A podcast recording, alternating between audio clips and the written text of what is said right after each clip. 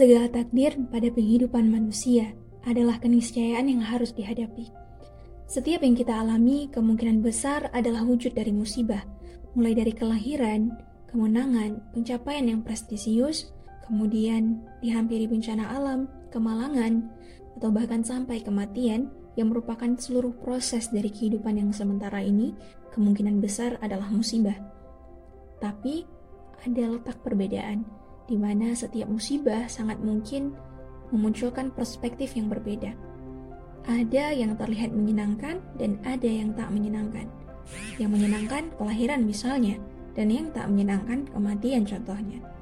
Islam mengajarkan umatnya untuk bersyukur dalam musibah yang terlihat menyenangkan dan bersabar terhadap kondisi yang sebaliknya. Ada dua kunci yang sangat istimewa. Itulah yang menguatkan mukmin saat ditimpa musibah ketabahan, dan pengharapan pahala dari Allah dalam menghadapi musibah tersebut.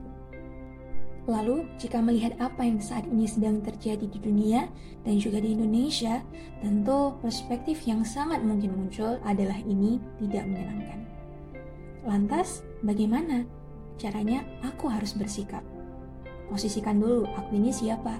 Jika aku adalah orang yang berdampak, tentunya aku membutuhkan orang lain untuk memberikan support agar memahami konsep tentang sabar dan syukur. Dan jika aku adalah tidak terdampak secara langsung, maka aku adalah orang yang akan berperan sebagai yang membantu untuk mengantarkan konsep tersebut agar bisa dipahami. Menarik, Ibnu Qayyim pernah berkata, Sesungguhnya semua musibah yang menimpa orang-orang beriman dalam menjalankan agama Allah adalah disertai dengan sikap ridho dan ihtisab itu yang dianjurkan. Kalaupun ridho tidak mereka miliki, maka pegangan mereka adalah sikap sabar dan ihtisab, pengharapan akan adanya pahala dari Allah. Ini semua akan meringankan beratnya beban muslim tersebut. Karena setiap kali mereka menyaksikan kemudian mengingat balasan kebaikan yang akan Allah berikan, akan terasa ringan bagi mereka untuk menghadapi kesusahan dan musibah tersebut. Tentu konsep yang seperti ini hal yang bisa kita katakan ini menjadi sebuah pegangan akan sangat sulit untuk diterapkan oleh mereka yang langsung terdampak.